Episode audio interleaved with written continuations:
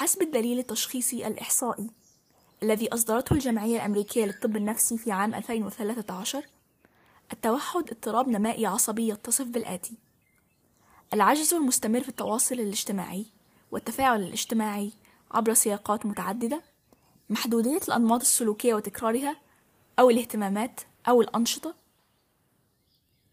الأعراض موجودة في فترة النمو المبكر. الأعراض تسبب ضعفا سريريا في المجالات الاجتماعية والمهنية والأداء الحالي ولا يمكن تفسيرها بالتأخر العقلي. تسمية السمات أو الصفات بالأعراض توحي بأنه مرضي وأن من الممكن للأعراض بين قوسين أن تشفى ولكن هذا غير حقيقي. التوحد لا يشفى لأنه ليس مرضا تلتقطه من الخارج. هو نظام حسي كامل تولد به. والصعوبات الاجتماعية ليست بسبب الشخص المتوحد فقط بل بسبب عدم الفهم والتقبل المجتمعي. لذلك لا يمكن تسميتها بالأعراض لأن الصفات لا تذهب بعيدا. يمكن أن تخبئ الصفات ولكن لا يمكنك أن تغير الشخص. على سبيل المثال يمكن أن تجبر المتوحد على أن ينظر في عينيك ولكن هل هذا سيغير طبيعته؟ بالتأكيد لا. لذلك نحن نرفض هذا التعريف ونرى أنه يجب أن يراجع مرارا.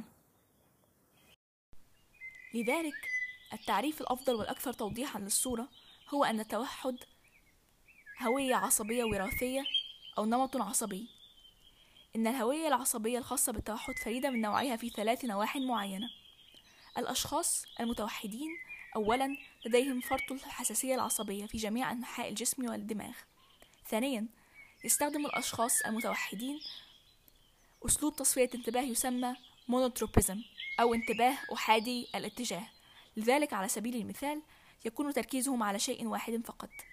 أخيرا يعمل العقل والجسم التوحدي كنظام معالجة حسية أولا وكنظام معالجة لفظية ثانيا إن وجد. فهذا تعريف أعم وأشمل وأكثر توضيحا للصورة. هذا هو تعريف نموذج التنوع العصبي. التعريف الطبي جيد جدا ولكنه لا يرينا الحقيقة كاملة. الحقيقة أن تسمية التوحد باضطراب توحي بأشياء قد تكون خاطئة. أولا هو ليس اضطرابا عقليا فالاضطراب العقلي كما يوحي الاسم اضطراب.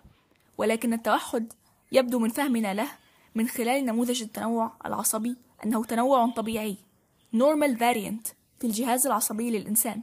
لذلك التعريف الذي يبدو أفضل هو أنه نوع عصبي أو نيوروتايب لأن ذلك يعبر أكثر عن طبيعة التوحد التي هي طبيعة عصبية أكثر من أي شيء آخر.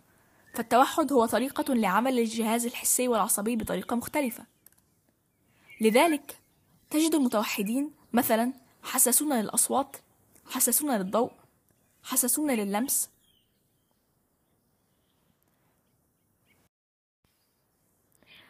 تجربة جامعة طب هارفارد على الفئران بينت أن التوحد يبدأ في الخلايا الحسية. حيث أنهم عندما قاموا بعمل تعديل جيني لتكون الجينات أشبه بجينات التوحد على الخلايا الحسية المسؤولة عن حاسة اللمس في الفئران. الذي حدث هو أن الفئران عندما أصبحوا حساسين للمس على مستوى جهازهم العصبي أصبحوا أكثر توترا وأصبح تعاملهم مع الفئران الأخرى أصعب. لذا يبدو أن التوحد طريقة مختلفة لعمل الدماغ والجهاز العصبي بأكمله أو على الأقل هذا هو التعريف الذي نتبناه في هذا النموذج.